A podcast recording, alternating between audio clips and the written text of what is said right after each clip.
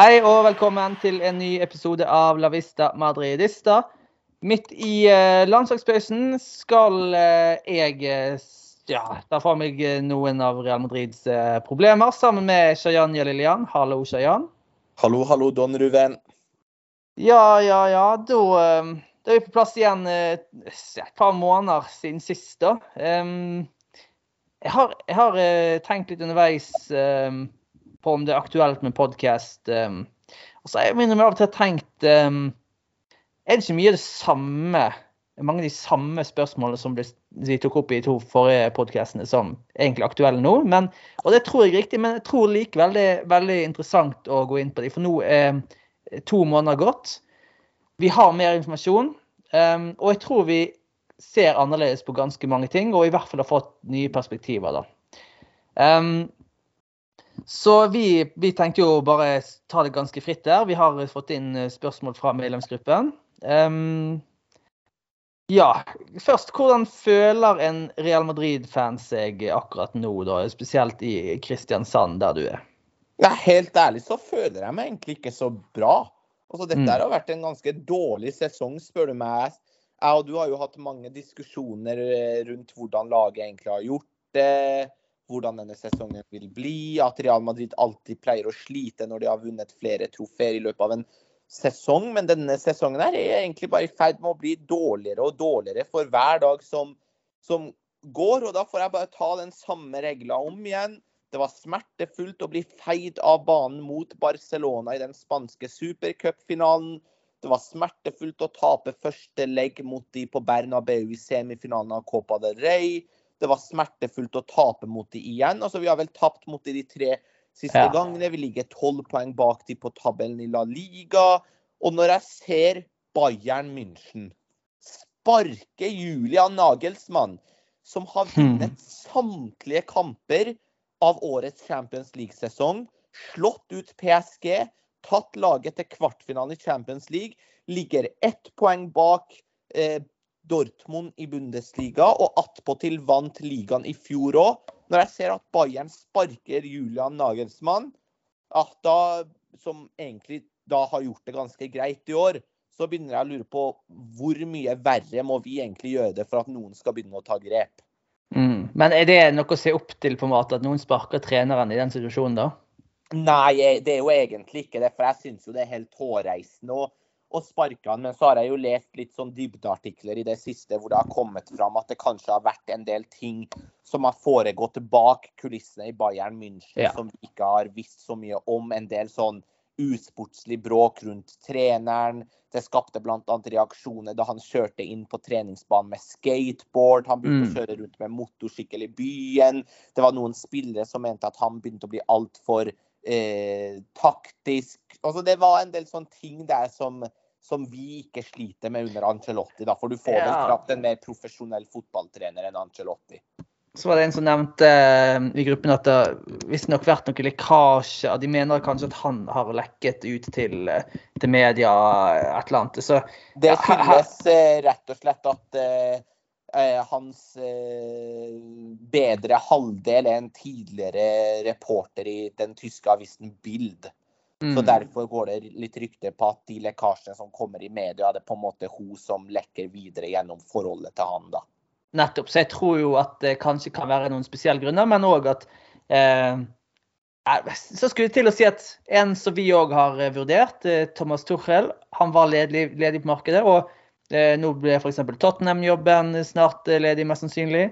Eh, og at de ville bare kape han før noen andre gjorde det. Men så sier jeg at han fikk et ett og et halvt års kontrakt. Da begynte jeg å lure litt igjen på Hvis de hadde ønsket han så mye, så hadde de vel gitt han eh, to og et halvt i hvert fall. Altså, det er jo det som er vanlig, ca. tre år. Så kanskje det er noen ting som har skjedd bak sceneteppet, som du sier. Som, eh, men eh, ja. Jeg, I dag så lurte jeg på om vi skulle vente litt Det her kan vel si at uansett å bli blandet inn, da. Eh, men vente litt med dette om Angelotti burde sparkes. Og kanskje heller snakke som om han uansett går av til sommeren. Det har jo vært en del rykter rundt Brasil. Spesielt nå kommer disse tullete brasilianerne våre som vi har vi snakket litt om det, at eh, hvorfor går de rundt og vitser om at Angelotti skal eh, bli ny Brasil-trener? Det er så unødvendig. Men OK, nå er ryktene uansett der. og da ser det ut som at Angelotti har noe, i hvert fall en plass å gå om han skulle bli sparket. da, Så det er jo greit for han. Jeg tror uansett han blir værende hvis han vinner Champions League, og han vil det. Men um, mest sannsynlig så gjør jo ikke vi det, da. Altså, det er jo ikke dårlige muligheter, men altså, det er jo alltid størst sjanse for at ett av de andre lagene gjør det. Så spørsmålet er hvem er det egentlig vi ønsker oss inn? Hva, hva kvaliteter, hva for en profil ønsker vi egentlig um, inn i trenerbenken uh, i Real Madrid? Skal vi um, først nevne hva navn vil du si mm. er aktuelle? Um, jeg kan begynne med å nevne en som ikke er aktuell, f.eks. som Mourinho. Ikke aktuell. Antonio Conte, ikke Antonio aktuell. Conte. Sånn, det er to, to, trene, to, store profiler som eh, folk sikkert kunne tenkt er aktuelle, men de er bare ikke det. Og så selvfølgelig sånn kan... Luis Henrique, selvfølgelig ikke. Ja, jeg kan jo Jeg er helt enig. Conte, det er bare å glemme. Henrique skjer ikke. Mourinho, det kunne gått for fem år siden. Nå har det toget også gått. Så jeg kan jo starte med å ta min, eh, min bruttoliste, da over mm. trenere jeg mener kunne inn og gjort en jobb. Og der ser jeg egentlig også at de troverdige journalistene er ganske samstemte. Men samtidig så er det jo også veldig lett å kaste ut navn nå, da, når ingenting ja. har blitt eh, materialisert. Men jeg mener i hvert fall at bruttolista til Real Madrid bør være Maurizio Pochettino, Julian Nagelsmann, eh, Shabi Alonso, Raúl og Zinedine Zidane.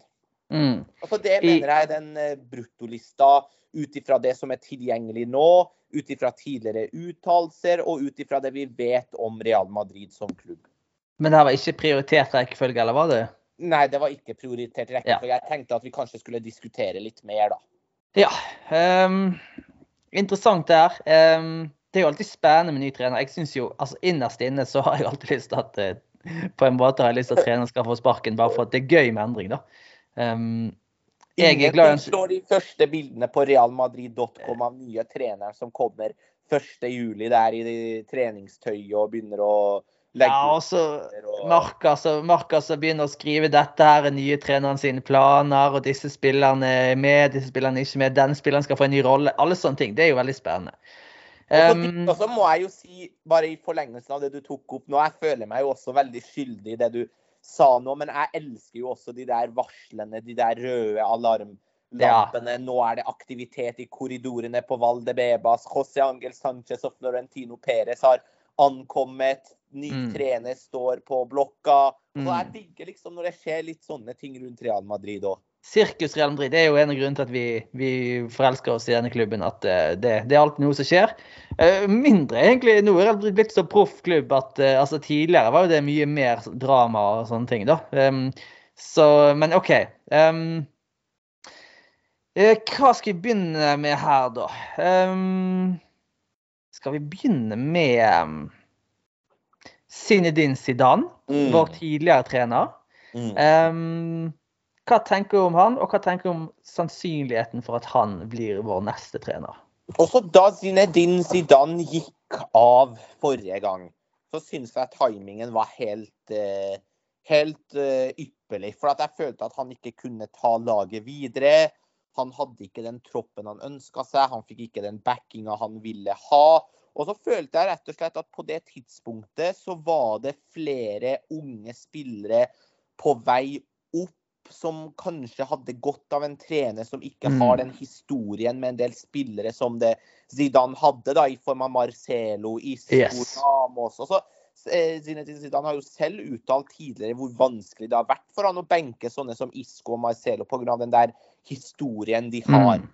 Men i løpet av den tida Og så må jeg jo også si at da Zidane gikk av sist gang, så var jeg dritlei av han. Altså jeg bare ja. følte at Fotballen vår var, begynte å bli mer og mer defensiv, til tider litt sånn destruktivt grinda ut kjedelige seire over lag som Eibar. Og, og så hadde han jo egentlig sittet i sammenheng helt siden um, 2016, egentlig. Ja, da, Siden ja. det var et lite opphold med Solari og Loptegi. Absolutt. Så det føltes liksom at, som at vi hadde sett Og det er jo ganske uvanlig at en Real Madrid-trener sitter så lenge, hvis du liksom tar, fjerner det der lille avbrekket han hadde, da. Men mm. nå føler jeg faktisk at han i mitt hode begynner atter en gang å seile opp som en høyaktuell kandidat ut ifra det jeg ønsker meg som Real Madrid-trener. Og det skyldes rett og slett at nå har Venicius blitt to-tre år eldre, Rodrigo har fått mer ballast. Chouameni en fast landslagsspiller for Frankrike. Camavinga begynner å bli varm i, varm i trøya. Så jeg tror at det mannskapet Real Madrid har i dag, passer egentlig en type som som Zidane. For nå begynner vi å få ganske mange spillere mellom 23 og 25 år som går inn i sine mm. beste år. De kan liksom forme en sånn ny generasjon invincibles, da, på en måte. Sånn som vi hadde sist med mm. Ramos. Modric, Kroos, Benzema. Men jeg bare føler at det er ikke noe vits å ansette Zidane hvis ikke han får den backinga han trenger på overgangsvinduet. Altså Hvis vi nå hadde fått inn Kylian Mbappe, Jude Bellingham, OK, da hadde Zidane faktisk vært nummer én på min liste. Men jeg er bare usikker på hvor mye det Real Madrid-styret egentlig har endra seg siden sist han var der. Men er det en vits å Altså, er det annerledes med Zidane, mener du? At det liksom eh, er det, Vil ikke den setningen gjelde uansett hva trener? Altså, det er ikke vits å hente den den treneren hvis ikke han har full backing. Er det, er det særegent for Zidane, mener du? Ikke nødvendigvis særegent for Zidane, men jeg mener at det gjelder Zidane i større grad enn sånne trenere som Raúl og Xabi Alonso. da. For at okay, hvorfor det da? Raúl, Du kan jo nesten gi han de dårligste rammene i verden, og han ville tatt den jobben. Ja, Rett og slett for at han drømmer om å lede hoved, altså om å lede A-laget til Real Madrid. Han ja. leder Castilla i dag. Og Xabi Alonso, hva det han har ledet? Jo, han har ledet Real Sociedads andre lag og Leverkusen. Også de gutta der, de drømmer om å prøve seg i Real Madrid. Mens jeg, liksom, men, men jeg føler liksom at Zidane han har ikke så mye mer å bevise. Så hvis han nå skal inn, så må det faktisk bli litt lagt til rette for at her henter vi inn en, som, en av de mest suksessfulle trenerne i vår eh, historie. Mm. Og så er det jo ingen tvil synes jeg, om at eh, laget som Zidane ville ha overtatt i en tenkt situasjon, er bedre enn det han, eh, han forlot. Og mm fornyet, det er yngre spillere. Det er mye mer positiv situasjon nå, med, der halve laget er up and coming, kombinert med en del rutiner. Det, som du sier, legg på et par eh, gode signeringer der, så, så snakker vi. En ting som jeg ville vært litt bekymret for, da, det er jo at eh, du snakket om at det er vanskelig for han å benke de gode gamle. Og vi har jo fortsatt en del av de gode gamle. Og jeg tror jo at um, det her er jo noe vi må komme til, dette med fornyelsesbiten, som er ekstremt viktig. Um, jeg tror ikke hvis, La oss si Zidane sitter i to år til. Jeg tror ikke en annen høyreback vil spille enn Carvahall.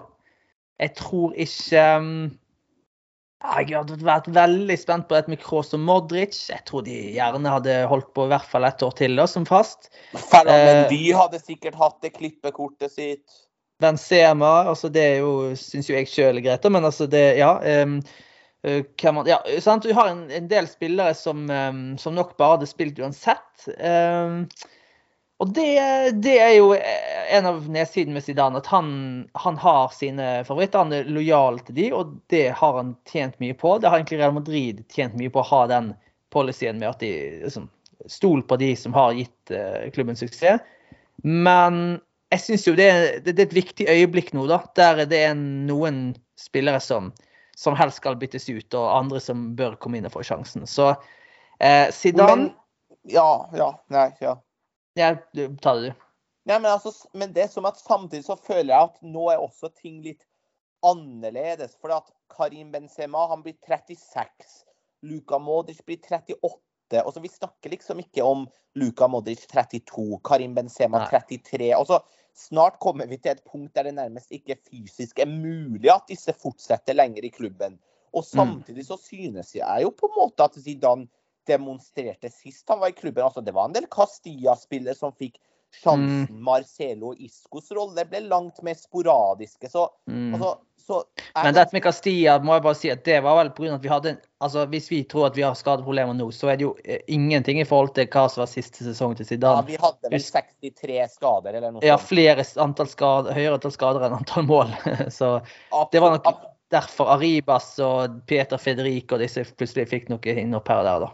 Absolutt. Men samtidig så føler jeg at tingenes tilstand er litt annen nå, så jeg tror på en måte ikke at han vil være like sånn Jeg tror ikke nødvendigvis at han vil tviholde i like stor grad på, på sånne som Kroos, Modric og kanskje Benzema, for det er jo ifølge Zidane Ja. lillebroren hans. Så det, Ja, det, det litt problematisk sånn sett å ha en som trener som syns det, da, ja. Ja, og, og så føler jeg liksom at den der Carvahall-debatten For å være helt ærlig med deg, så tror jeg at de aller fleste Real Madrid-trenere eller de aller fleste fotballfolk ser at Carvahall ikke er til å stole på i like stor Hmm. grad som tidligere. Men der, altså alle vi vet at i Real Madrid så er det styret og det sportslige eh, overordna folka som driver og signerer spillere og selger spillere. Og det er jo det jeg sier til deg òg, at dersom Zidane får litt makt, får litt frie tøyler og får komme tilbake på sine premisser, så har jeg stor tro på at eh, alle gode ting kan være tre. Men dersom ting fortsetter sånn som nå, så er jeg litt usikker på hvor høyt oppe jeg har han på den lista.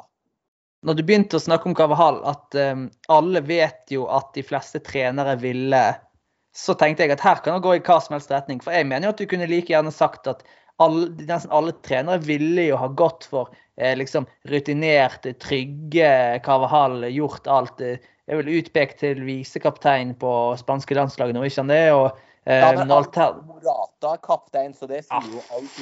Fy flate Altså, det er jo Å. Fra, Men OK. altså, fra Sergio Ramos som landslagskaptein til Alvaro Morata. How the mighty have fallen. Ja, det, eh, det er faktisk helt krise. Men Carvahall er jo en verdig viskaptein, da. I hvert fall, og han, eh, han er jo en som ligger veldig godt an til å bli vår fremtidige, fremtidige eh, kaptein. Um, så, så jeg tror jo at mm, hvor mange andre trenere ville egentlig ha kjørt inn Venices Tobias i Ancelotti sin situasjon? Jeg tror det er nesten ingen, altså. Så Nei, men jeg tror det er ganske mange trenere under andre type klubber som kanskje ville pusha for å ta den muligheten på å låne inn Joao Cancelo med Ja. Men hadde ikke Ancelotti gjort det? Jo, han, han, det går rykter om at Ancelotti var gira på han, men styret og Perez og José Ángel Ja. Sánchez de sa nei. Og det tar oss igjen tilbake til det der jeg har prøvd å fortelle deg i en halvtime, men du vil jo ikke lytte. Og da hvis Zinedine Zidane kommer tilbake med frie tøyler og får gjøre ting som han vil, så, tror jeg, så har jeg stor tro på det. Ja. Jeg, eh, men poenget mitt er at jeg går imot det. Altså, jeg, jeg, poenget mitt er at jeg tror at Zidane ville gjort en bra jobb uansett hvem han fikk, da. Men at kanskje han Ja. ikke ville akseptert en sånn eh, rolle. Og så er det bare noe med Vi kan bli så lei av han som vi bare vil når det røyner på som mest. Men Zinedine Zidane det er blant de fem-seks største klubblegendene i Real Madrid. Og så lenge han er klubb, eh, klubbløs og Real Mm. Madrid trenger en trener, så kan vi egentlig ikke si nei til Zinedine Zidane. Nei. Og så har jeg bare lyst til å ta opp én faktor til. Og det er at Zinedine Zidane var jo best sannsynlig, ut ifra det jeg har lest, nummer én på PSG sin liste før denne sesongen. Ja. Men han sa jo da angivelig nei, for at han tenkte at han ville få drømmejobben sin som å ta over det franske landslaget etter VM i Qatar. Men til tross for finaletapet til Frankrike, så valgte de jo da å forlenge kontrakten med Didier Deschamps til ut EM eller neste VM, om ikke jeg tar helt feil. Mm. Og det gjør at jeg har en sånn latent frykt iboende i meg enn hvis PSG nå sparker Galtier og ansetter Zidane. Og for de som har hørt på oss tidligere, PSG har jo da blitt min hatklubb nummer én. Mye pga. måten de oppfører seg på, pga. Mbappes nei. Og jeg bare og, og jeg bare takler ikke å se Zinedine Zidane i PSG. Så bare det i seg selv for min, den fanatiske siden av Ja Lillian, bare det i seg selv er verdt å få han til Real Madrid, så at vi slipper å se han ta over PSG. Og så er det jo, eh, jeg er egentlig enig, du, trekker frem dette med etter Frankrike-jobben.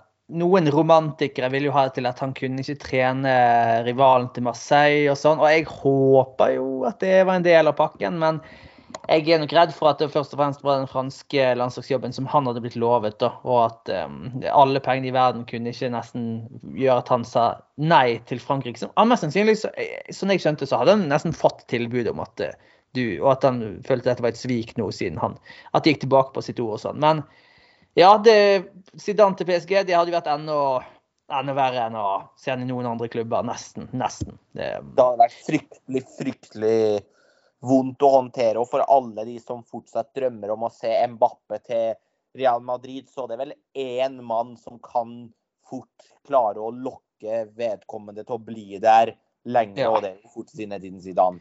og det er jo en mann som kan gjerne få ut å vinne Champions League òg. Altså, det, må, det, må, det må sies. Tenk hvilken scener hvis Zinedine Zidane kommer tilbake, og Mbappe kommer inn portene på Bernabeu, Jude Bellingham kommer inn, og så Vinicius er på sitt beste. Åh, nye Santiago Bernabeu. Zinedine Zidane, få det på. Ja, jeg, jeg eh, Skal vi si rett og slett Hvis vi utelukker Klopp og Guardiola, nesten hvis de er inkludert òg, nesten hvis de er inkludert òg, så tror jeg kanskje Zidane ville vært sånn Altså, jeg er enig i at det sitter litt langt inne fordi at det er litt kjedelig og nesten siste tiåret har omtrent bare vi hatt Ancelotti og Zidane som trener. Men ser du vekk fra det, skal vi bare gå etter hvem ville gi oss størst vinnersjanser, så tror jeg rett og slett Zidane er, er mannen jeg ville gått for. Men Ja, så må vi være litt forsiktige med å undergrave hvor mye Altså hvilken bra trener Zinedine Zidane egentlig er. ja, ja, ja, ja, ja. I perioder er det kjedelig. Ja, i perioder så blir vi lei av å ha han ved roret. Ja, han er gørr kjedelig i pressekonferansene, og han gir svært lite av seg av seg sjæl. Men ikke glem at den mannen der vant Champions League-titler tre på rad. Og har også vunnet La Liga to ganger med Real Madrid. Ja. Riktig. Så derfor, for meg, skal jeg bare ha resultater, så er det Sindin Zidane jeg går for. Men vi må bevege oss over på et annet tema. Um, og da er det rett og slett skal vi Jeg vet ikke skal, om det, hva som er best på en måte, måte å, å gjøre etterpå, men jeg vil snakke litt om dette med fornyelsesbiten. da, Og hvor hardt skal vi fornye laget nå? Og i så fall, hva trener er best egnet til det? Da syns jeg jo egentlig at um, både Raúl, Pochettino Shabby Alonso jeg, jeg vet ikke hva han vil, vil gi, men um, Pochettino og Raúl, to eh, karer som ville satt i gang fornyelsesprosessen i Real Madrid, tenker jeg. Ja, det, det, hvis, det Hvis vi har et mål om å få akselerert den prosessen så kjapt som mulig, så er det nok de to som er de som Kanskje Julian Nagelsmann òg, egentlig. Han Ja. kan jo nevnes hvis ikke Tottenham tar han nå, da.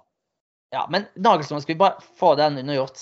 Eh, Ja, men det jeg, jeg, vet ikke om jeg, jeg vet ikke om jeg er helt på bærtur, men for meg er det liksom totalt uaktuelt med Ja, Nagelsmann. det som er at jeg har heller ikke lyst Jeg har heller ikke så lyst på Julian Nagelsmann. Jeg ser liksom Jeg kan forstå litt av hypen rundt han, at han er 35 år og har leda tre Bundesliga-klubber. Han har jo vært i Leipzig, han har vært i Bayern München, han har vært i Hoffenheim, han har vunnet Bundesliga som trener. Han har, han har tatt Bayern til kvartfinale i Champions League. Han er, altså, han, har- han har masse sånn Han er taktisk. Folk på Twitter syns han er Ja.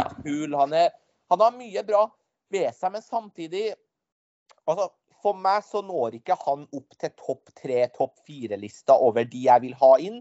Rett og slett fordi at han blir for ung. Altså, han blir for Ja. ung. Han, blir Han er for, yngre enn Modric. han er yngre enn Modric, han blir for ung, han blir for uerfaren. Og hans overdrevne ta tanker om taktikk og høyt press, og alle skal liksom jobbe ræva av seg. Jeg tror ikke det nødvendigvis er veien å gå i Real Madrid, men jeg føler at vi gjør en stor tabbe hvis vi på en måte sier at det er uaktuelt. For at han har jo selv blitt sitert på at han for tre sesonger siden sa at Real Madrid hadde kontakta han, ville ha han som manager. Vi får, vi, vi får stadig inn flere rykter om at han Ja. fortsatt står på blokka til klubben, så han må jo med i en sånn liste. Men hvis noen hadde spurt meg, så ville jeg sagt gi det ti år til.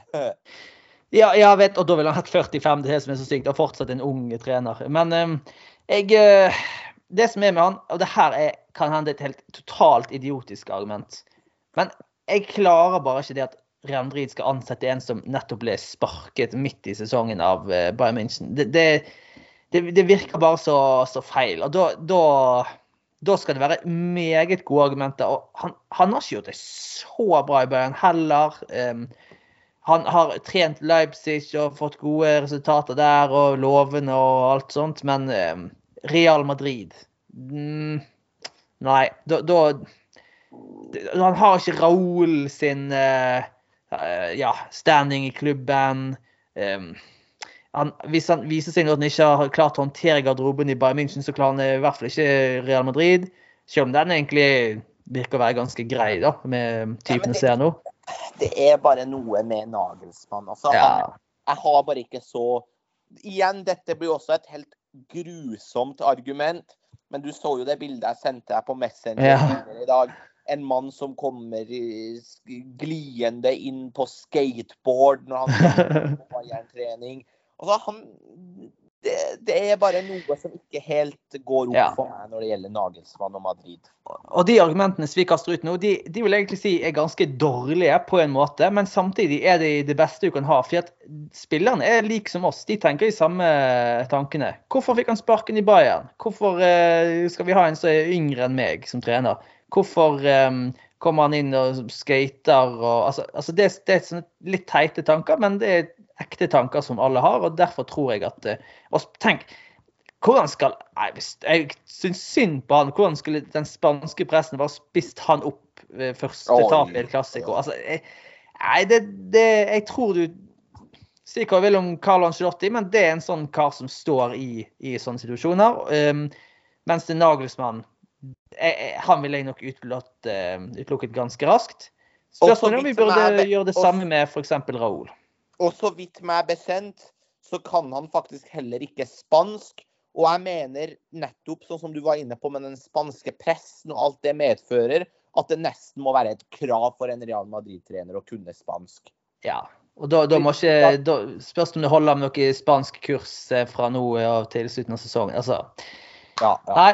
Um, men da er egentlig Kan vi bevege oss over på Raoul, da? fordi at um, med Raoul så er det jo Um, og egentlig kanskje Xabi Alonso er enda bedre eksempel. Raúl og Xabi Alonso det er jo ofte folk som blir nevnt i samme åndedrag når eh, Real Madrid trener alternativer diskuteres. fordi at begge har en god standing i klubben, begge har trent i akademiet. Eh, og eh, unge, lovende trenere som, som ja, vil kunne komme inn i klubben på, på en god måte. Men Xabi Alonso han har nå i det minste erfaring på toppnivå. Kort tid på toppnivå, men han har noe. Uh, han har trent òg Real Sociedad sitt andre lag, som vel er på nivå over Castilla. Uh, og um, ja Hva skal vi si om disse to karene? Det er jo en del likt med Nagelsmann. da. Altså, uh, Skal disse her klare å få respekt bare fordi at de har vært gode spillere? Det ja, altså de, akkurat når det gjelder den der auraen og respekten, så vil disse kunne stille med helt andre kort på hånda. Altså, Xabi Alonso og Raúl er liksom to av de største spanske legendene gjennom historien. Så jeg føler liksom at når det gjelder Og den der respekten i garderoben Alle på Real Madrid vet OK, Raúl, fy faen, han var, mm. han var store greier. Xabi Alonso, midtbanegeneral, vunnet Champions League spilt for Liverpool, spilt for Real mm, Madrid, har mm. sikkert over 100 landskamper for Spania. Altså, glem Julian Nagelsmann, da! Det. Ja, altså, det, det. Han blir en smågutt i forhold til disse to karene her. Men med det sagt, så finner jeg meg faktisk i å være overraskende lite gira på Raúl. Altså, jeg, jeg, jeg, vet ikke ja. hvor, hvor, det stammer fra. For hvis vi ser litt på liksom, logikk, da. Han er jo topp fem OK, topp ti, da. Og da er jeg til og med streng mot han. Men han er jo topp ti største Real Madrid-legende gjennom tidene. Altså, han er vel den med flest kamper for klubben, er han ikke det? Ja, altså før Ronaldo eh, dukket opp, så var han jo tidenes toppskårer. Gikk forbi Alfredo Di Stefano òg, så han, her snakker vi en av de aller, aller største. Akkurat. Og han har siden juli 2019, altså det blir snart fire år, venta tålmodig på at denne mm. muligheten skulle dukke opp. Han har levert gode resultater med Real Madrid Castilla, som også viser litt om eh, at han har gode forutsetninger for å kunne bli en bra trener. Fordi det er ikke lett å trene lag som Real Madrid Castilla, hvor det er store endringer fra år til år. Hvor noen spillere er oppe med A-laget, noen trekkes ned. Altså det er liksom jeg føler at det å være trener for Castilla det er nesten sånn møte opp dag for dag og bare gjøre det beste ut av det du får. Og egentlig har du ikke så mye du skulle sagt. Du spiller på en måte med et juniorlag på seniornivå, som er vanskelig. Akkurat. Så de resultatene han har vist der, spesielt i år, er jo egentlig ganske imponerende. Han har leda Real Madrid Castilla i 120 kamper, som jo også er ganske, ganske mye. Så han har jo fått en god del erfaring. Han har ballast som toppspiller, som sagt. Men det er bare Jeg bare føler at hva skal han gi Real Madrid som på en måte ikke Ancelotti kan gi? Ja. Altså, det er avgjørende for meg når vi henter inn en ny trener, som jo betyr at vi må sparke Ancelotti, for han har jo fortsatt ett år til etter Mm. i år. Det er at han må gi noe Ancelotti ikke gir. For hva er vitsen med å skifte ut Ancelotti hvis han vi henter inn egentlig ikke noe bedre? Og da er jeg bare litt spent på hvordan Real Madrid løser det. For at på transfermarkt så står det at Raúl har en kontrakt som går ut 30.6.2023. Så jeg regner med at nå har vi faktisk kommet til et veiskille for Raúl. Ja. At han enten nå i sommer får beskjed om at du er den utvalgte, nå har din tur kommet, eller så tror jeg han, han drar. For vi har hørt at Schalke ville hatt han, jeg tror han har vært Yes. linka til tyrkiske klubber. Han kan ikke fortsette som Castilla-trener. Nei, og det kommer han ikke til å gjøre heller. Men eh, jeg, er litt, jeg kjenner det litt på samme måte, og jeg tror at det som Det er litt samme følelsen jeg har med eh, Zidane, eh, og det er dette med på Angelotti òg, at det er det samme gamle. Og det som er litt sånn eh, paradoksalt, er at det er jo egentlig fantastisk bra at det er kjedelig med treneren som kommer inn. For det betyr at Real Madrid har en plan, en kontinuitet. Det er er helt naturlig å gå fra Zidane til Angelotti og um, til Raúl. Altså, det, det her er like profiler. De har, de, de har mange av de samme egenskapene og kvalitetene vi har snakket om. Um, så kanskje det er bra, kontinuitet, men spennende. Ja altså, det, hva vil, okay, hva vil Raoul gjort annerledes enn Angelotti? Han, jeg ser for meg at det er lettere, mye større sannsynlighet for at han henter opp eh, sin gjeng, nåværende gjeng, Aribas, Alvar og Vinicius Tobias, enn det Angelotti eh, for at Angelotti gjør det. Men det er på en måte ikke nok til at det engasjerer meg. Nei, Altså, enig. det er sikkert gøy de første to ukene med Aribas, hvor han får innhopp ti minutter før slutt. Men i lengden, altså, det er liksom ikke Aribas som avgjør at vi skal hente inn Raúl, hvis du skjønner. Nei. Mm, men um, det er jo dette med den fornyelsesbiten som jeg syns er ekstremt viktig. Real Madrid har ja, det, det skulle jeg gjerne likt. Jeg skulle gjerne likt å vite se hva, hva ligger på konto hos Real Madrid. For hvor mye penger har vi? Um, for uh, hvis det viser seg at det er riktig at de ikke har så mye som vi håper på, da, eller at de ønsker å holde tilbake når Mbappé kanskje blir tilgjengelig neste år, så, så er det klart den, det er ekstremt viktig hva trener vi får inn, hva valg tar den treneren. F.eks. Thomas Tuchel, som nå uh, glapp, kan vi si. Eh, han tror jeg Der snakker vi av Jeg vil nesten si av alle valgene som har blitt nevnt. Jeg vil nesten si det mest kortsiktige valget. Jeg kan ikke se én eneste grunn Eller jeg har ikke fulgt eh, Thomas Tuchel sin karriere tett nok til å vite. Han har trent Dortmund og sånn, men had, er en som kom til å vrake Carvahall for å få inn eh, Vinicius Tobias? Er han en som kommer til å vrake Kroos, Modric for å gi flere minutter til eh, ja, Kamavinga og sånne ting? Det tviler jeg på. Um, vil Raoul kunne gjøre det? Ja. Og det er jo um, Det vil være forskjellen, da. Ja, det vil det. Men samtidig så også Med Zidane nå så kan du på en måte si at ja, men hvor mye nytt blir det? Hva skal liksom Zidane tilføre som ikke Ancelotti har? Men med Zidane så føler jeg at han er kanskje den treneren i verden med størst aura rundt seg. Hvis du ser bort fra en type som Guardiola og Klopp. Altså, eh, Zidane, bare navnet Zidane vil tiltrekke seg de beste spillerne. Altså, nå skal jeg strekke hendene i været, men jeg tør å påstå at hvis Zidane hadde vært Real Madrid-trener nå Det blir bare selvfølgelig ren synsing, men da tror jeg Mbappe hadde vært i Real Madrid. Og jeg tror også f.eks. at en som Bellingham At vi hadde fått langt mer sånn OK, fy faen. Zidane, han er Real Madrid-trener.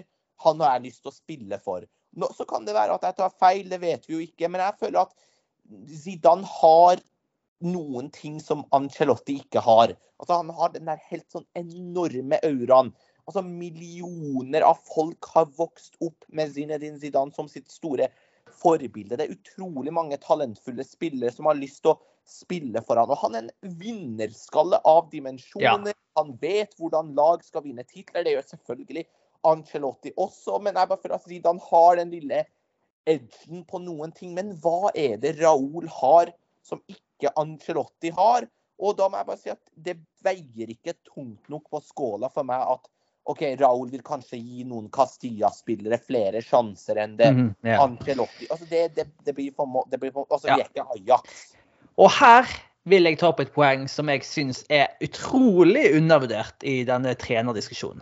Fordi når jeg hører folk diskutere Angelotti Og nå skal jeg ikke gå inn på Vi er uenige om Angelotti, skal, sånn får det bare være. Men jeg tror vi kan være kanskje enige i dette.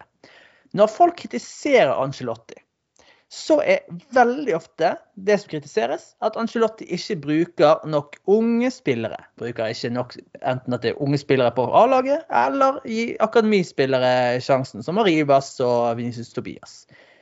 Det er så ofte jeg hører Angelotti kritiseres, så er det et av hovedpoengene. Men når de samme folkene diskuterer hvem som skal bli vår neste trener, så er det aldri det jeg hører som er hovedpoenget. Det er aldri dette her vil være mannen som kan løfte opp eh, Real Madrid Castilla-spilleren. Dette her er mannen som vil gi sjansen til den og den unggutten. Det for meg virker som er sånn, nede på tiendeplass på viktigheten, altså på folks liste. Og at det er resultatene. Hvem er, har størst sannsynlighet for å vinne Champions League neste år? Det er det som gjelder. Og da syns jeg det er litt sånn rart at eh, altså, Hva Angelotti kritiseres for, det er liksom Vi er et poeng bak Barcelona, og så bruker ikke unge spillere. og så eh, så jeg mener jo egentlig at Angelotti har det, vi, vi, går ikke inn på den diskusjonen, men um, hvorfor skal hvorfor, jeg, jeg, skjønner ikke hvorfor. Jeg syns det er en motsetning der. Hvorfor at folk snakker litt imot seg sjøl. For jeg tror ikke folk egentlig er så opptatt av dette med unge spillere. Nei, men absolutt alle trenere i hele verden får det der slengt mot seg. Ja, men han satser ikke på unge. Ja, men det er en på B-laget som er bedre. Ja, når man gir han der 18-åringen tillit. Og så jeg føler at det er bare blitt en sånn kutyme i fotball at alle ja. trenere kritiseres for det. Og så når det kommer til stykket, så vil egentlig fansen bare vinne. Ja, nettopp. Og jo mer du vinner, jo bedre det går, jo mer vil folk diskutere sånne småting som det der. Altså For å si det sånn um, Hva klubb er i en stor krise? La oss si sånn Deportivo de la Coruña, som ligger nede på A-laget, ligger på nivå med Castilla. Jeg tror de gir god blanke F i om det er hvem som spiller på laget. De skal, de skal, bare opp igjen. De skal bare opp igjen. Så lag som er i krise, de går etter resultater. Lag som fungerer bra, de begynner å gå på sånne småting. Men, men um, nå, nå, kanskje jeg snakker imot meg sjøl, men jeg syns jo det er viktig. Jeg syns det er viktig hva eh, spillere nå som blir valgt. Er det Modric og Kroos som starter semifinale i Champions League om ett år? I så fall så vil jeg si at um, det er ganske negativt for Real Madrid. Er det, er det Carvahall? Er det akkurat samme gjengen som sitter på benken? Altså, um, for jeg tror dessverre at det er lite Real Madrid Altså, Hvem er det vi realistisk sett skal hente i sommer? Bellingham snakkes det om. Han syns vi må komme tilbake til. Men også er det liksom høyreback fra Celta kan, kan kanskje komme inn og konkurrere med Krav Men Mbappé han er ikke aktuell den sommeren. Jeg tror jo dessverre at det er hvem vi velger blant våre egne rekker, som blir det viktigste neste år. Jeg tror ikke det kommer store signeringer, dessverre. Nei, det tror ikke jeg heller folk kommer jo sikkert til å hate denne poden men jeg har helt minimale forventninger til sommerens vindu. Ja. Og det, og... Kanskje, kanskje, Bellingham, hvis han skulle bestemme seg og alt, men eh, kanskje. Og det er bare et stort, stort, stort, stort, stort kanskje. Vi er ikke favoritter der. Ja, og Mbappé? Nei. Og um, sånn Reece James eller noe sånt? Nei. Nei. Um, Malo Gusto og sånn. Han har funnet ja, ja. Altså det det, det, det Cancelo, da, men nei, det tror jeg heller ikke. Ja, han blir 29 år, han kommer ikke til å bli tente. Så da, igjen, da er spørsmålet hvem kommer til å få sjansen for egne rekker. Og en annen mann som jo kan være villig til å bruke disse, det er jo vårt første valg eh, sommeren 2018. Maurizio Pochettino. Og hva skal vi si om eh, en som jeg vet du i hvert fall er veldig glad i? Ja, det er jo min, eh, min store, store, store mann. Han eh, er jo nummer én på min shortlist. Det, han er rett og slett det, altså. Det er han tett etterfulgt av Zinedine Zidane. Mm, så Pochettino på numero uno. Ja, han er min numero uno, men det er egentlig det er å slite deg liksom litt med å skulle overtale deg med en hel masse gode argumenter. For at rett den der diskusjonen hva det han har som Angelotti ikke har. Altså, det, er jo ikke, det er jo egentlig ikke sånn Han, jo, han har jo på en måte ikke vist noe mer i sin trenerkarriere enn Carlo Angelotti. Og med en gang du drar opp Pochettino, så nevner jo folk PSG-oppholdet hans, ja. hvor han fikk eh, sparken, klarte ikke å vinne noen, noen avgjørende titler der. Ble nummer to bak Lill. Altså, han har jo på en måte ikke Altså, han For fem år siden så var jo, var jo han høyaktuell som Real Madrid-trener, men hans aksjer har rett og slett falt etter ja. at PSG-jobben gikk i dass. Men han er en av de trenerne som jeg bare føler er meant to be. At mm. på et eller annet tidspunkt så får han drømmen sin oppfylt. Og det er for han to ting. Det å trene Real Madrid og det argentinske landslaget. Så jeg har egentlig han på min førsteplass, fordi at i motsetning til Julian Nagelsmann, så tror jeg at den spanske pressen kommer til å ta imot han med et åpent og positivt blikk. Og han kommer til å håndtere pressen òg? Han kommer til å håndtere pressen. Han kan spansk, han har vært i La Liga. Han er veldig respektert blant journalister egentlig igjen over hele verden. Han er en type som Ja, han har kanskje ikke den auraen som Zidane og Shabi Alonso og Raúl har, men altså, jeg tror ikke det finnes én en eneste spiller som på en måte har gått ut og sagt at han mista respekten til spillerne, Nei. eller han er en dårlig fyr. Altså, han, han tikker egentlig. Han, sant, han står der med dress, han kan spa... Altså, han er Han tikker mange av de der boksene en Real Madrid-trener skal ha.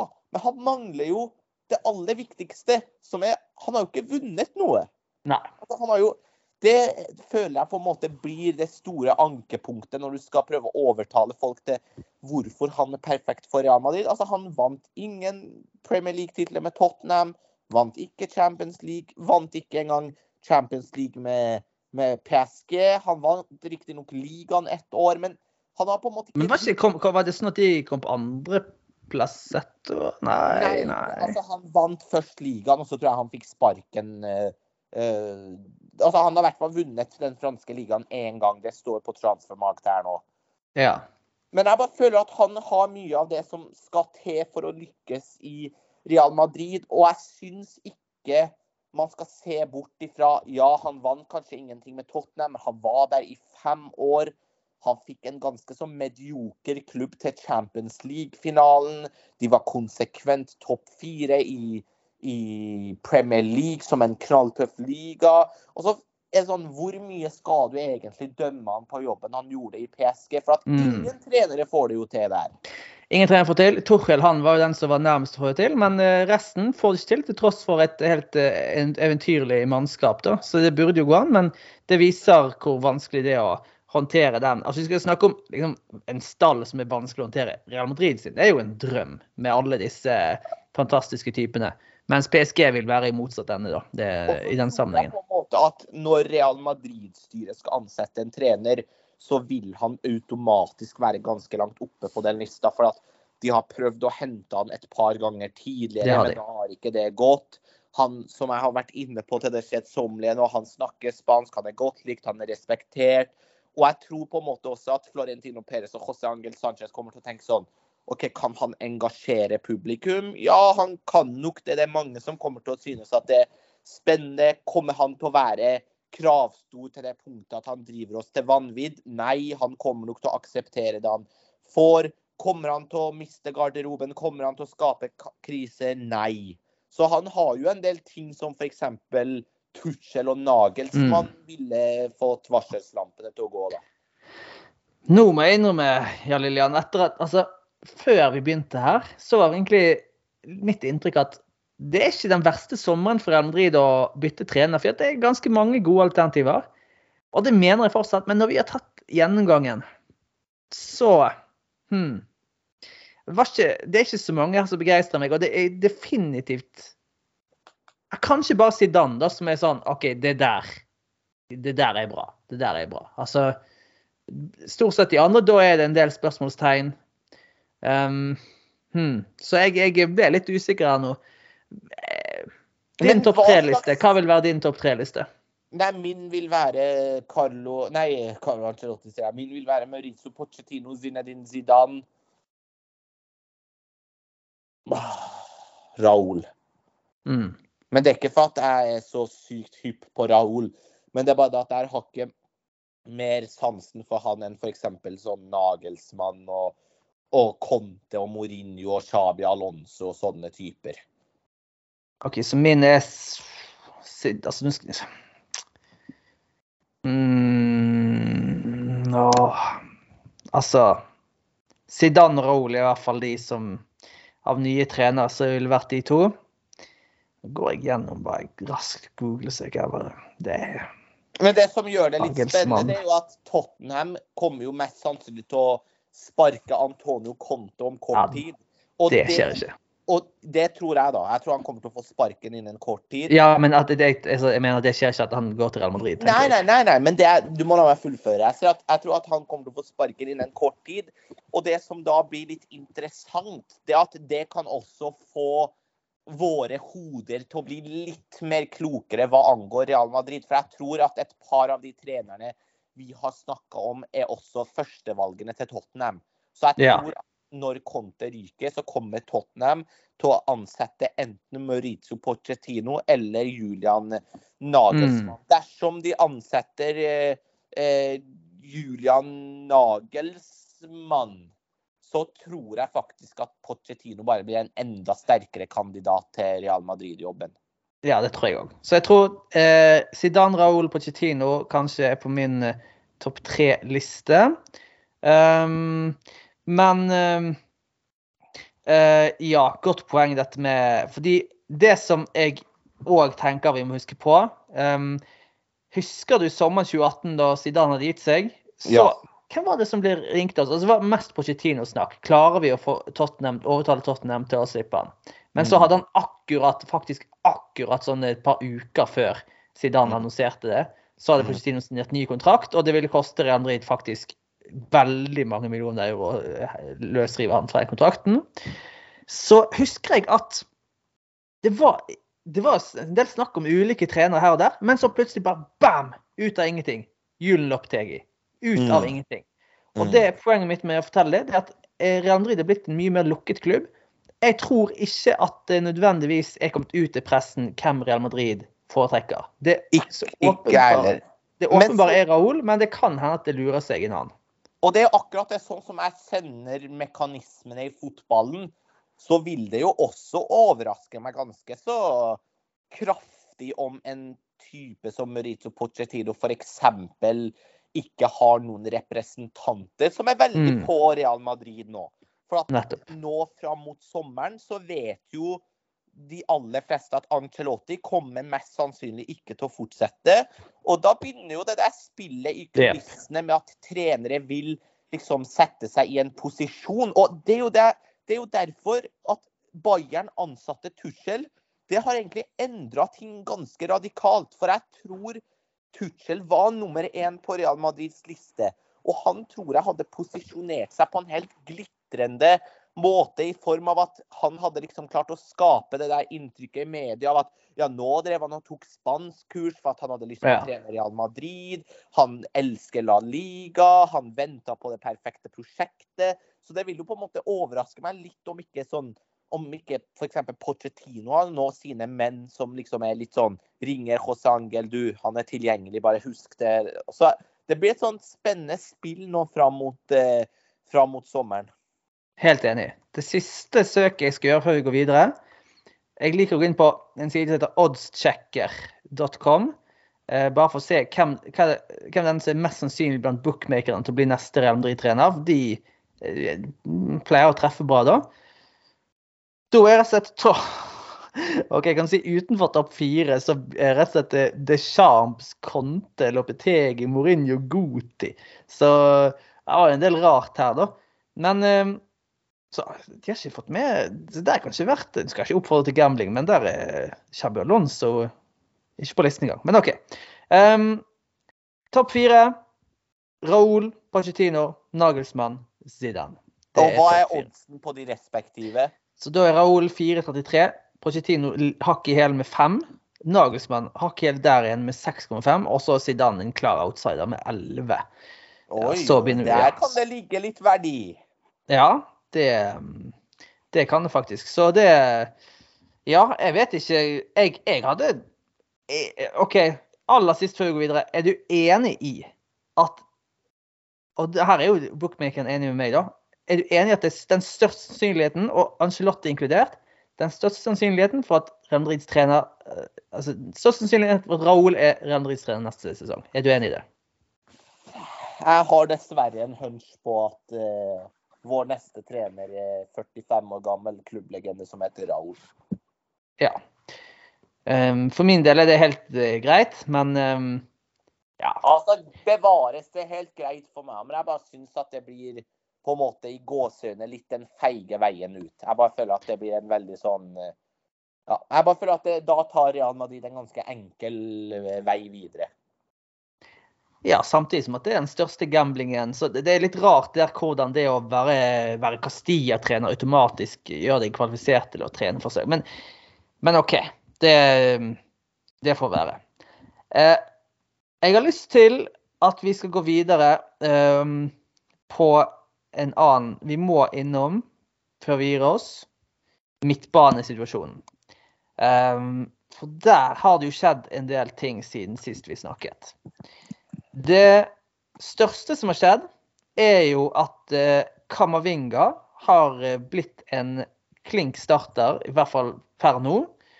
Og han har imponert stort. Han har til og med fungert som venstreback. Han har spilt storoppgjør som defensiv midt, og vi vet alle at eh, han kan spille sentral, altså litt høyere i banen. Um, samtidig som at Modric og Kroos driver og starter de største kampene. Eh, det lukter vel en Krås forlengelse, syns jeg. Da, altså det vil jeg, er du enig i det? Jeg gjetter en Krås forlengelse. Ja, det tror jeg. Og så er spørsmålet Modric, og ikke minst Bellingham. Um, vi har en haug av spillere som er på utgående kontrakter, så ikke bare Nacho, Benzema og Modric og Cross, men Ceballos er jo òg en av de. Og ehm, en spiller som har imponert veldig til tider og eh, ja, fikk faktisk starte ganske mange på rad og sånn. Så vi har en, litt av en midtbanesituasjon her. Eh, egentlig en, kanskje den posisjonen vi har best dekning i, men samtidig er det Real Madrid sin eh, overgangspolicy er jo å hente store, unge talenter, også eh, med en miks av eh, når de aller største eh, og mulighetene på markedet viser seg, så tar de de. Og jeg syns at Bellingham kan falle inn under den kategorien. Da at eh, ja, han er et ungt talent, men han er liksom en av de som er aller mest ettertraktet, bare uansett. Um, ikke bare fordi han er ung, men fordi han er god òg. Um, så spørsmålet er nå, med tanke på all bredde i troppen og alternativer og hvem vi har, Chuameni, Valverde, Camavinga, Kroos, Modric, Ceballos, burde Real Madrid hente Bellingham Ja. for 150 millioner euro?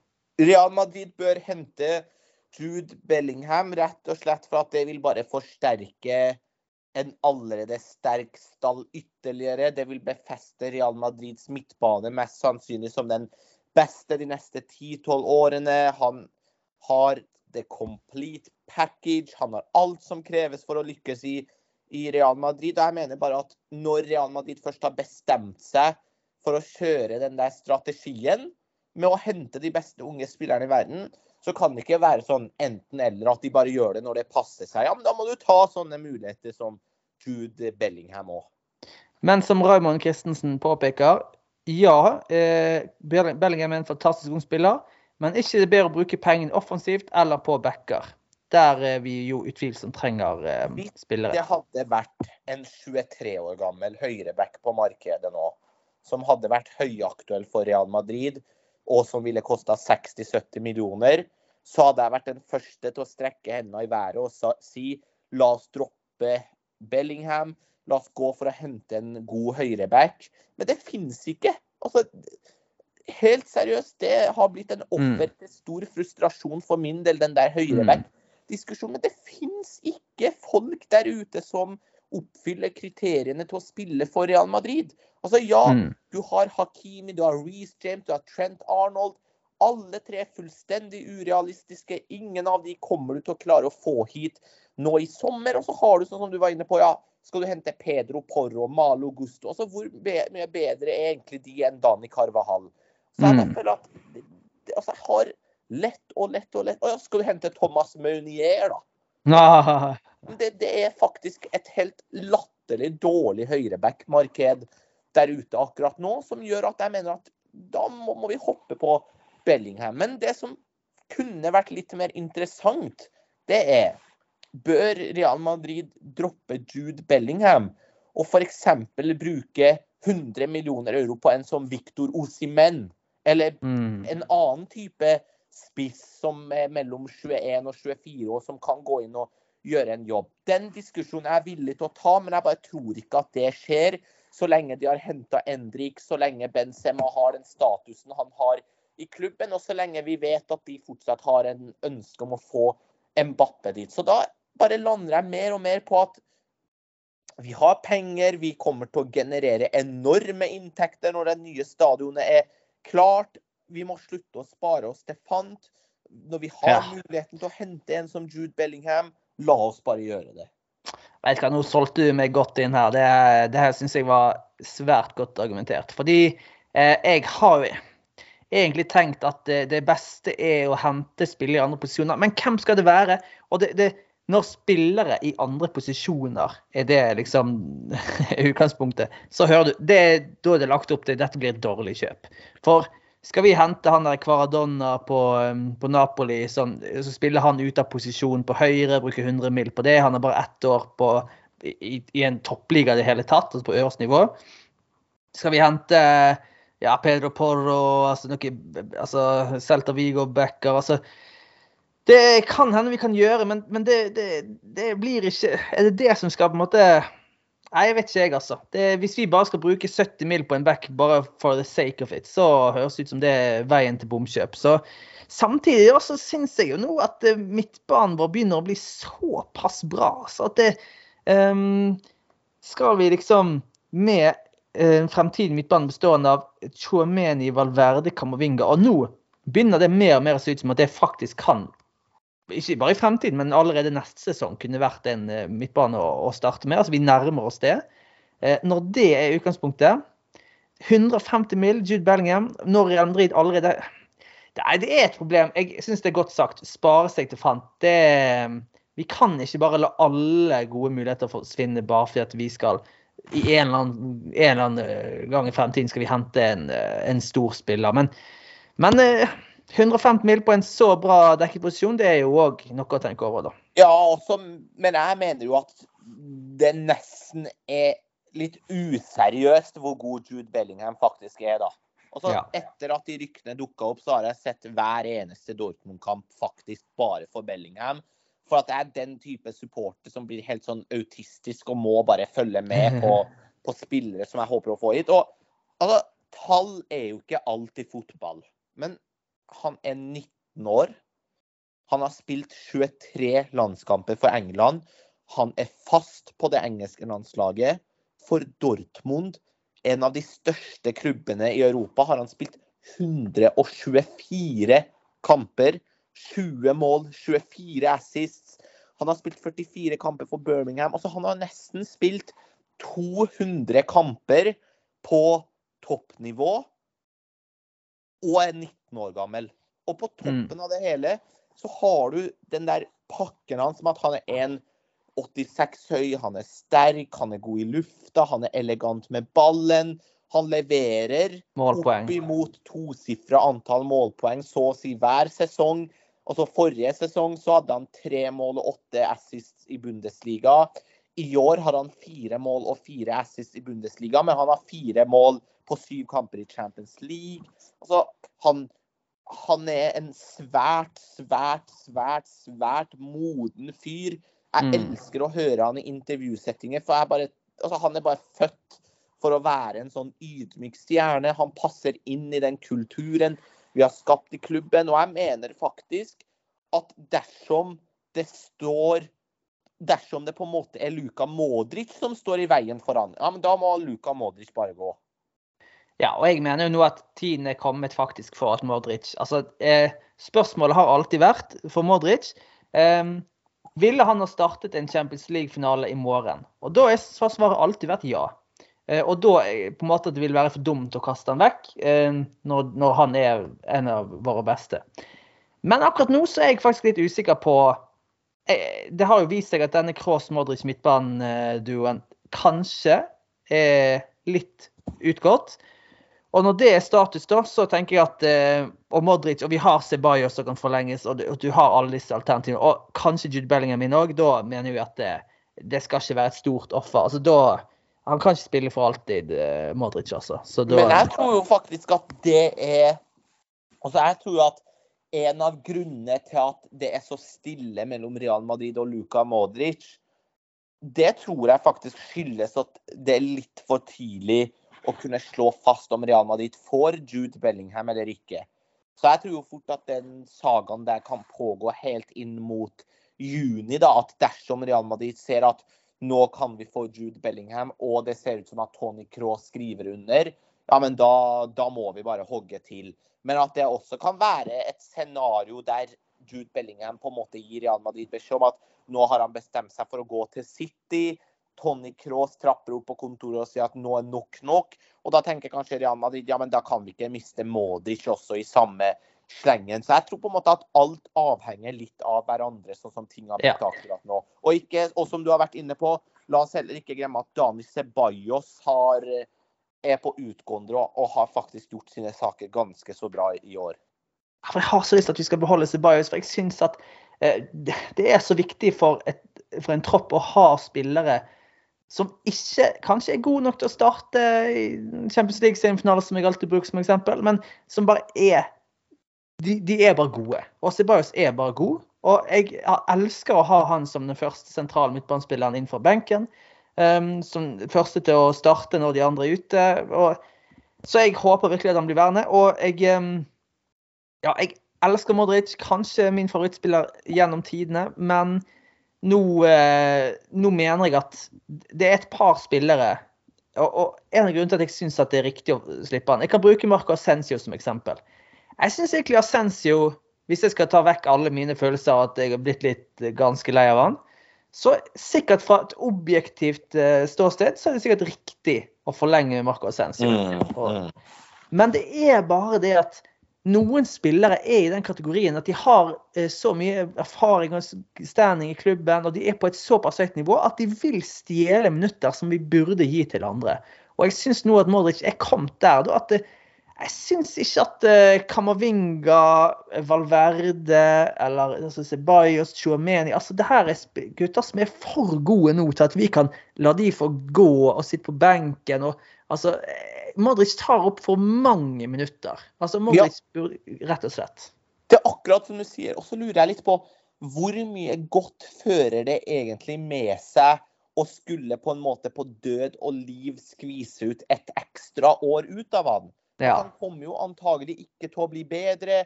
Neste år må han bare spille enda færre minutter. Han må sikkert bli bytta ut oftere. Han kommer Mm. sikkert ikke til å bidra i like stor grad. Og det er jo det jeg også tenker at er det på en måte verdt det å se Jude Bellingham gå til City Nei, nei. og bli nei, den nye Kevin De Bruyne som vi må plutselig Hvis vi skulle hatt han om fem år, så måtte vi betalt 500 millioner euro, liksom. Enn å bare ta så bite litt i det sure eplet. Og så en annen ting er at hvis vi nå takker farvel til Luka Modric, så vil det også gjøres under helt fantastiske forhold.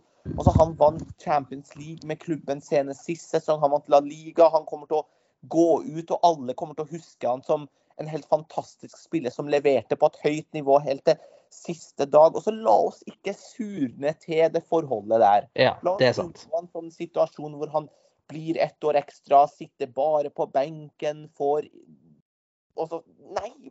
nå- Og så- og så- og så- og så- og så jeg skulle på en måte ønske at han ville gi seg av seg sjøl, at det ville vært en perfekt avslutning på den måten. Men det ser jo faktisk ikke ut som han har tenkt å gi seg noen gang. Så da må jo nesten noen må være de som eh, på en måte sier at nok er nok. Eh, Og så skjønner jeg at han vil fortsette etter den, de kampene han leverte forrige sesong. Der var det mye magi. Men eh, mitt største argument er bare at det er for lettvint for en hva som helst trener. og når de store kampene kommer, det er for lettvint og trygt å venne seg til Luka Modric, når du egentlig burde tatt sjansen på en av de andre.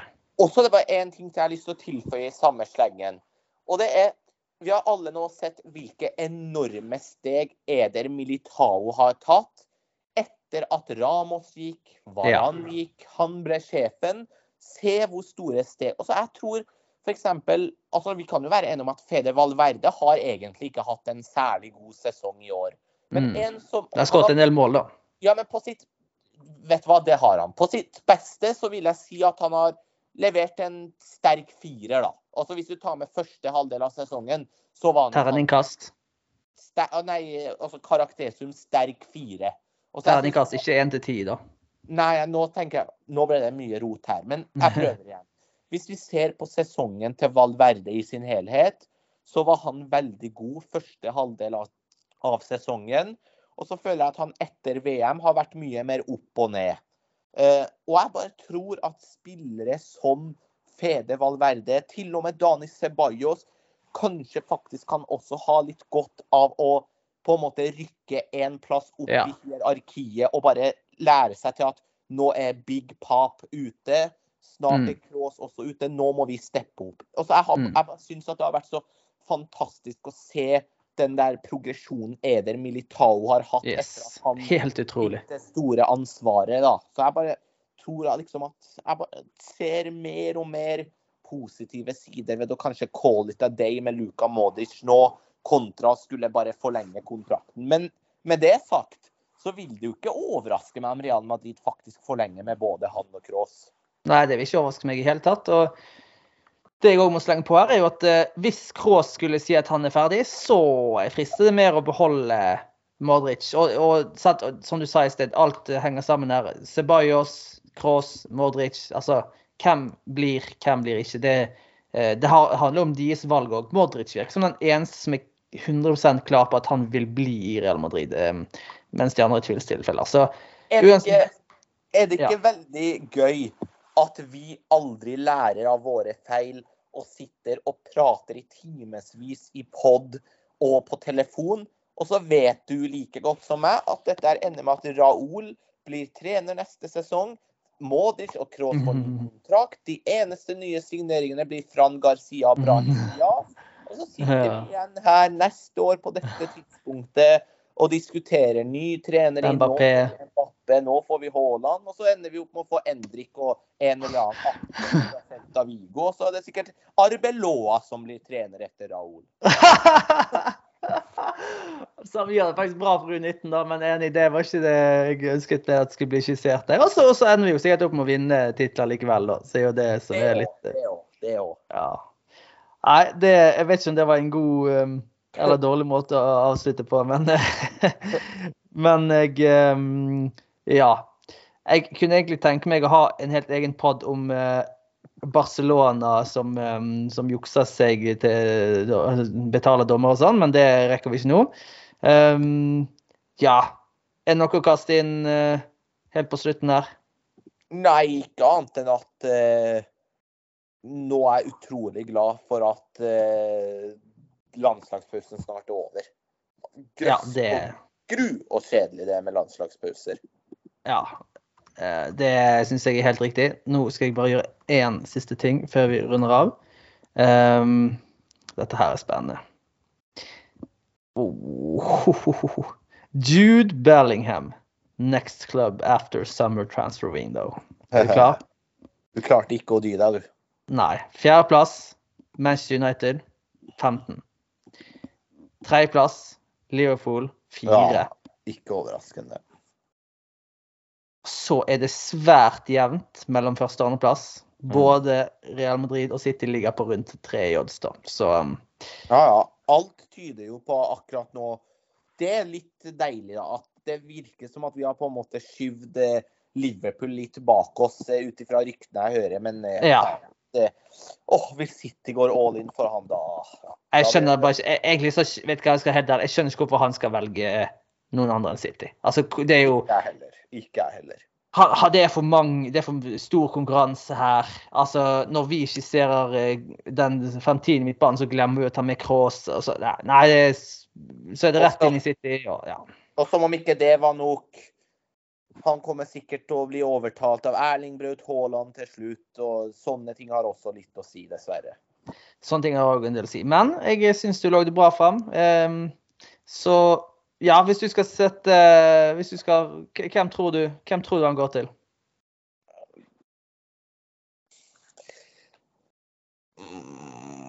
Nei, jeg får være tro med min eh, spådom her. Real Madrids eneste signeringer denne sommeren det blir Brahim Diaz og Fran Garcia. Ja. OK. og Raúl inn som trener, og så Arbeloa rykker opp til Castilla. Herregud, dette ble bekmørkt. jeg prøver å finne andre ting. Men det um, Det kan fort bli en Champions League-seier, da. Hæ? Det skal vi, skal vi late som at vi har troen på det. Det er ikke helt umulig. Det er ganske mange gode lag som slått det ut og sånn. Så Absolutt, Ja, ja. Ikke, absolutt ikke umulig, men det hjalp ikke akkurat at Bayern ansatte Tuchel nå, for han Nei. er jo den av få trenere som faktisk vet hvordan han skal slå Real Madrid. ja, nettopp, nettopp. Nei, men strålende. Vi får se altså, om spådommene står seg. Det, det, vi får bare vente og se. Men dette var alt for denne gangen. Takk eh, for innspill fra medlemsgruppen. Jeg tror vi har kommet gjennom eh, ganske mange av de. Eh, vi har gått innom de fleste temaene. Takk til alle lyttere. Takk for at du var med, Shayan. Takk, takk. Og til neste gang. Ala la Alla Madrid.